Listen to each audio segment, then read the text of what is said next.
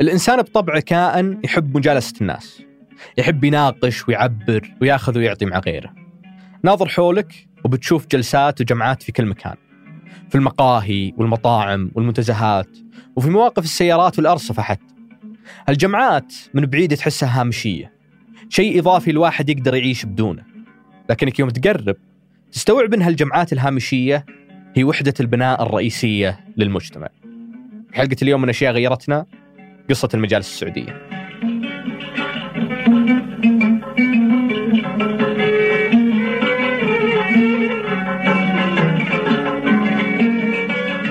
يا هلا أنا مازل العتيبي وهذا بودكاست أشياء غيرتنا من إذاعة ثمانية. في كل حلقة أجلس مع المؤرخ الاجتماعي منصور العساف ونستعرض شكل من أشكال تغير المجتمع السعودي. في الستينات الميلادية لما بدأت المدنية تدخل على المجتمع السعودي كان طبيعي أن الجو العام لحديث الناس وسوالفهم ذاك الوقت أنه يختلف شوي. فإذا كانت سوالفهم وقتها عن المزرعة ولا الحلال طبيعي أنها تتغير عشان تناسب هالحياة الجديدة. أصبحوا يتحدثون عن الوظيفة وديوان الخدمة المدنية ودرجة سلم سلم الرواتب سلم درجات التوظيف والشهادات. فكان الصراع آه، بالسوالف هذه وكذلك صار حتى في الشعر والأدب وذا. اللي يقول لك لا والله بقعد على البادية ولا بقعد على القرية واللي يقول لك لا أنا دخلت المدينة وتمدنت وزي كذا. يعني تذكر قصيدة يا عبيد من ينشدك عنا سكان في راس النوره من فوق سفن يشيلنا عمال والنفس مخطورة. شط البحر قبلة منا بديار من يلعب الكورة. قل له ترانا تمدنا كل يولع بدافورة. فقس على القصيدة المشهورة هذه وطرقها عدد من شعراء الجزيرة العربية.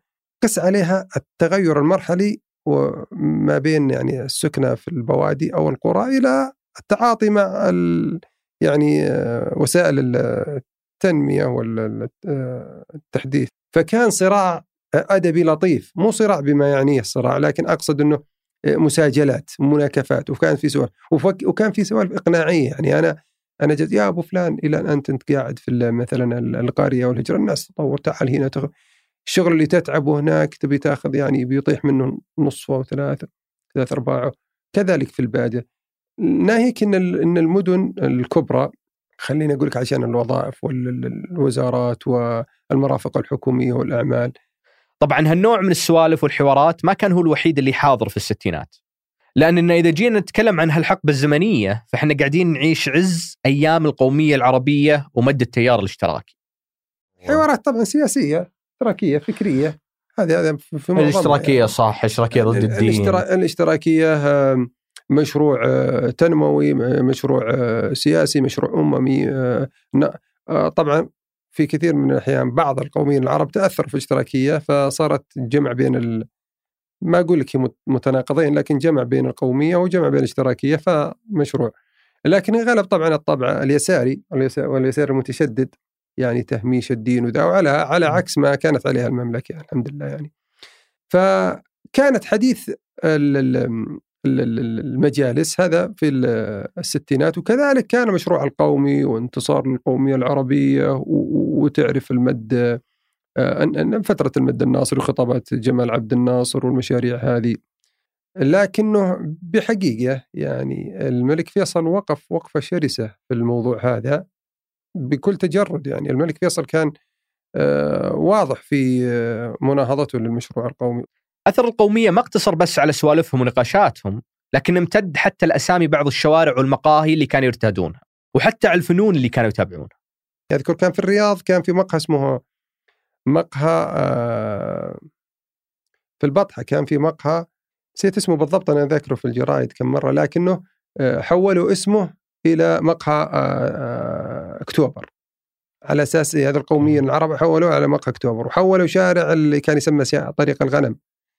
يعني جنوب طريق آه، المدينة المنورة الآن آه، حولوا اسمه إلى طريق آه، بورسعيد أيام ضرب بورسعيد. فحتى في القصائد في الفنون يعني في الفنون والدراما أصبحوا يجتمعوا يشوفوا التلفزيون مثلا. وش يشوفوا؟ أغلب المسلسلات أبو فراس الحمداني وقيس بن الملوح وامرئ القيس يعني حتى التلفزيون ينقل لك موروث عربي جميل. ودرجة عالية من الفصاحة ودرجة عالية من التدقيق اللغوي.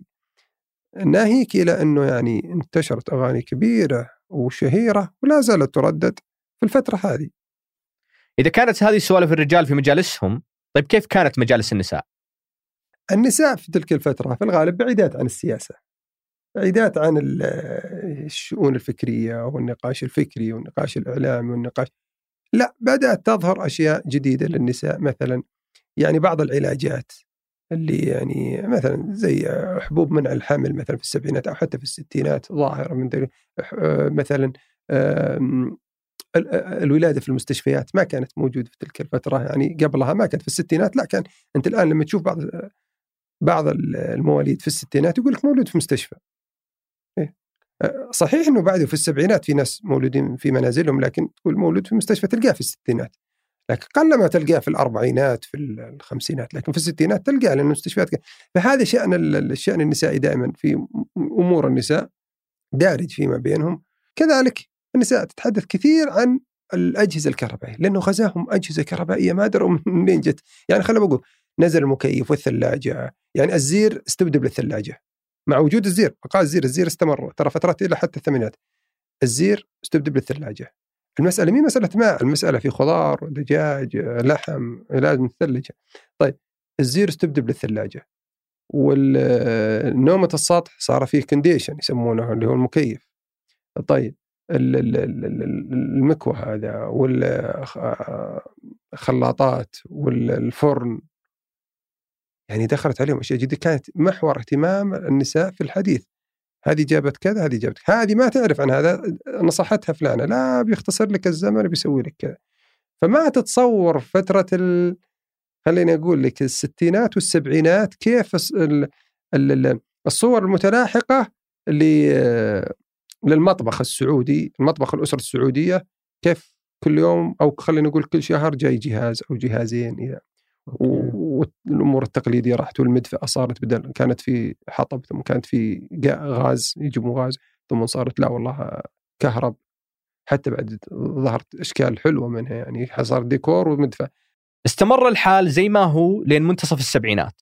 وفي النص الثاني منها صار الحدث الأشهر اللي غير أشياء كثير في المجتمع السعودي اللي من كثر ما نجيب طريه نحتاج نسوي له نغمة موسيقية نرنها في كل حلقة. الطفرة. فجاك الضخ في 95 آه القروض العقارية المنح الرواتب تزداد الفرص الوظيفية المشاريع يلا الناس وش بتتحدث؟ الناس بتتحدث في الشأن العام يعني الشأن المعاش الناس في الفترة هذه كل حديثها عن العمار عن الأراضي عن المخططات الجديدة عن الاستثمار بالذات العمار. ليه؟ لأن الدولة أعطت منح وأعطت قروض. أعطت منح أراضي وأعطت قروض. فالناس انشغلت بالعمار. استمر هذا خليني أقول لك الخمس سنوات إلى سبع سنوات من 95 75 ميلادي إلى 82 طيب الآن إلى حد كبير. في ناس بعدها برضو استمروا على أساس أنهم ما جاء دورهم في العقار. لكن بعدها لا فرقت. دخلنا هنا الثمانينات. صار الفارق إيش؟ حل الاستقرار والدعة والهدوء والأموال وكذلك بيني وبينك في خلف الكواليس النفط نزل بس هم ما يشعروا النفط نزل فهم عاشوا رغد العيش في الثمانينات. الناس في بداية الثمانينات إلى آخر إلى قبل لا تنتهي الثمانينات عاشوا أفضل أيامهم المادية. عاشوا رغد عيش يعني كان ما عندهم شيء إلا يتعازمون. حقيقة يعني في فترة 81 82 83 84 85 كان الواحد كأنه أسد. هنا مفطح هنا مفطح هنا مفطح هنا مفطح. كايت لا حقول. ما كانت العزايم هي الشكل الوحيد لرفاهية المجتمع وقتها لأن في ذيك الفترة بدأ الاستقدام. خفت مسألة إن يعني حديثهم في آه، كدح الحياة حتى خفت النقاشات الفكرية والنقاشات الحقيقة السياسية والأمور هذه راحت كثير بشكل كبير. حلت محلها أشياء الرفاهية. صار النقاش الرياضي طبعا زيادة النقاشات الرياضية في الثمانينات ما يعني إن الكره نفسها ظهرت في ذاك الوقت. لأنه زاد النقل المباشر وزادت محطات التلفزيون. يعني محطات التلفزيون وصلت مثلا للقرى والهجر والمدن فزاد النقاش الرياضي والمجالس الرياضية بكل مكان. في كل مكان تلقى الحديث الرياضي. بين الطلاب بين الرجال الكبار في السن بين الشباب بين الزملاء في العمل. في العمل تلقى حديث من أصل ولذلك تلقى بينهم مراهنات إذا فاز هذا وفاز هذا والما خاسر يبي يسوي لهم عشاء وزي كذا. ووافق برضه يعني طفرة المنتخب وأفضل لعيبة الكرة السعودية كانوا في الثمانينات. فكاس القارية مرتين في المملكة لمدة ثمان سنوات على التوالي وإنجازات سارعة متلاحقة تطور في البنى التحتية في المشاريع في الملاعب في المدن الرياضية معسكرات الإعلام الرياضي زاد. فصار كل هذا ألقى بظلاله على المجالس السعودية سواء في الشباب أو حتى في النساء والنقاشات حتى في المدارس يعني كان في الفسحة هذا ما في كلام نقاش رياضي الله يعينك يعني إذا صرت مالك في الرياضة الله يعينك تدور لك شلة غير عن شلك فكان النقاش الرياضي خصوصا بعد المباريات جزء لا يكاد يعني يتجزأ من حديث الشباب فما بالك برضو حتى كبار السن حتى المسؤولين كانوا يعني المسؤولين كانوا يعني يتناقشون تعاطون مع الرياضة. ف الناس لما كانت شقيانة بحالها ومشغول بحالها متناسيه الرياضة، الآن لا زادت الرفاه وزاد النقل ووصول الرسالة وزاد الاهتمام. وزاد زي ما قلت لك إنه عند النساء صارت النساء تتحدث بالرياضة لما نقل التلفزيون في اواخر السبعينات الكره أو في منتصف السبعينات الكره صار في نساء يشجعن. وإذا بنتكلم عن فترة الثمانينات فضروري نتكلم عن الصحوة. حديث الناس برضه يعني يعني أصبحوا مثلا المحاضرة الفلانية وين؟ والشيخ الفلاني وين بيحدث؟ ودخل الشريط الإسلامي شريط المحاضرات الإسلامية.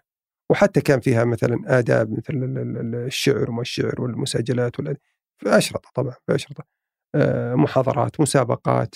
كثرت المسابقات الدور الاجتماعي للمسجد زاد كان في مسابقات. ويحدث فيها النقيض يعني في وقتها خلينا نقول في منتصف الثمانينات كانت أشرطة مايكل جاكسون تتبادل بين الشباب. يعني, يعني وقع الشباب في موضة الأغاني الأجنبية. يعني كانت أغاني مايكل جاكسون اللي نزلت في 83 82 كانوا يسمعونها هنا في 85 84 وظهر المطربين الأجانب لا سيما الأمريكان صاروا يسمعونها. لكنه هذا في منتصف الثمانينات وكانت حديث الشباب. لكن خلينا بقول لك من من 87 88 89 لا غاب المشهد بال... يعني غاب المشهد هذا بشكل كبير. و... وتوجه الناس لل... للشريط الإسلامي والتوعية الإسلامية. في ظل هالأجواء المرفهة كان في حدث بيجي بنهاية الثمانينات ويغير الجو العام تماما. لكن بعد الفاصل.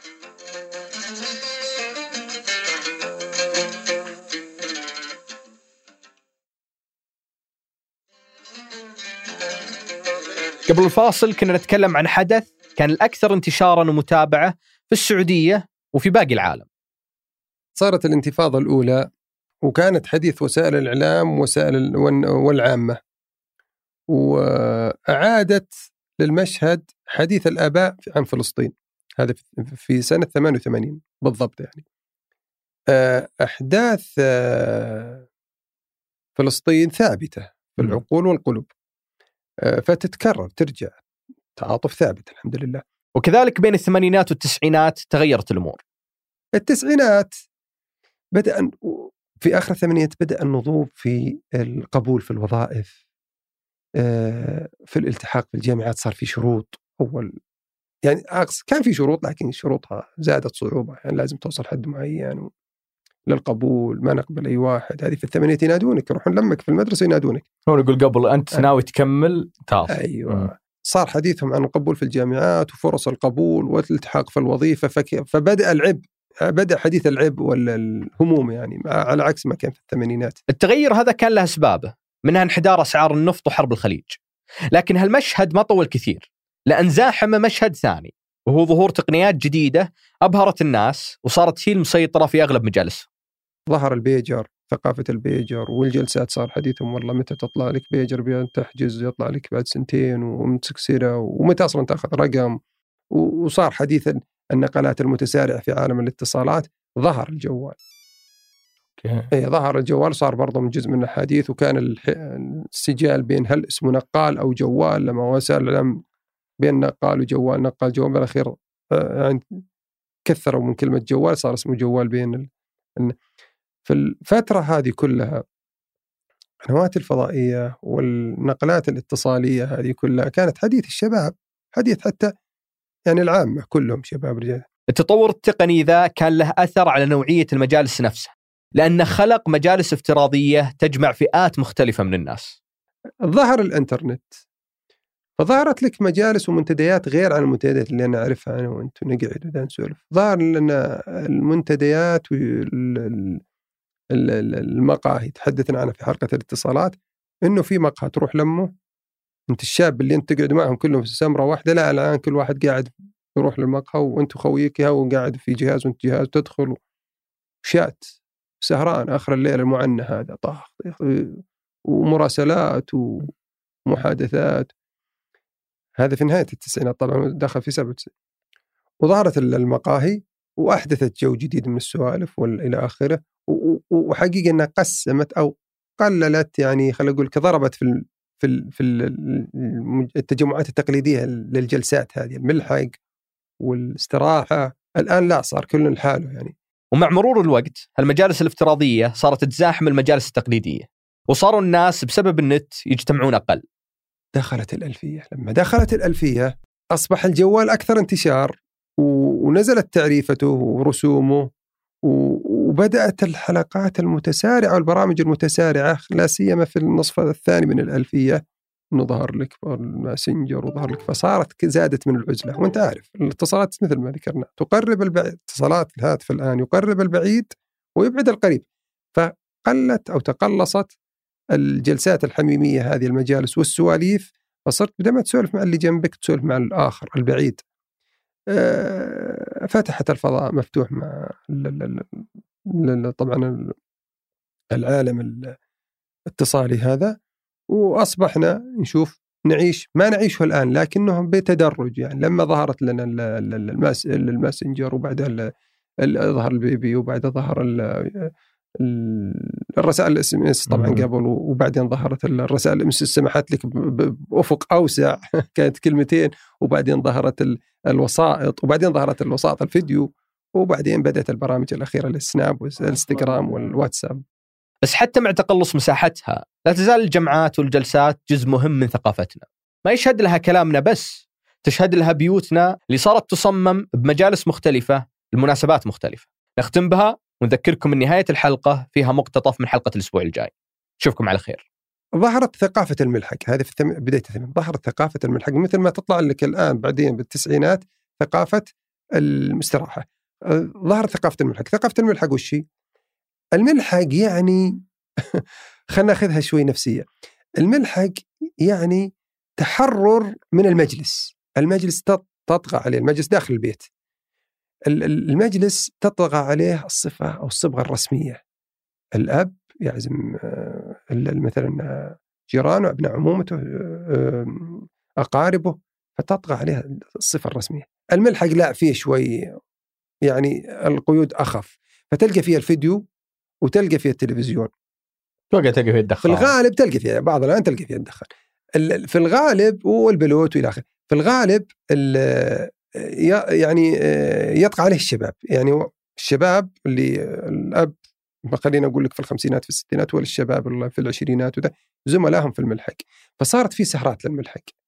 سهرات الملحق هذه يشوفوا يا يشوفوا شريط مباراة فريقهم يعني اللي فاز وذا جايبين أمس شارينا من بدأت محلات الأشرطة أو جايبين مسرحية يتفرجون عليها أو فيلم تفرجوا عليه.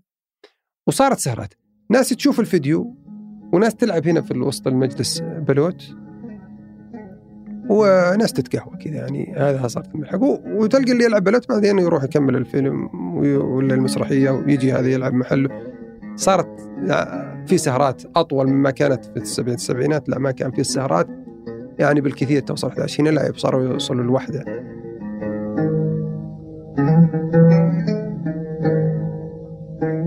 هذه الحلقة من بحث وإعداد الرائع منصور العساف. أنتجها وحررها أيمن الحمادي هندسها صوتيا محمد الحسن راجعها وأشرف على إنتاجها الرجل الافتراضي ثمود بن محفوظ.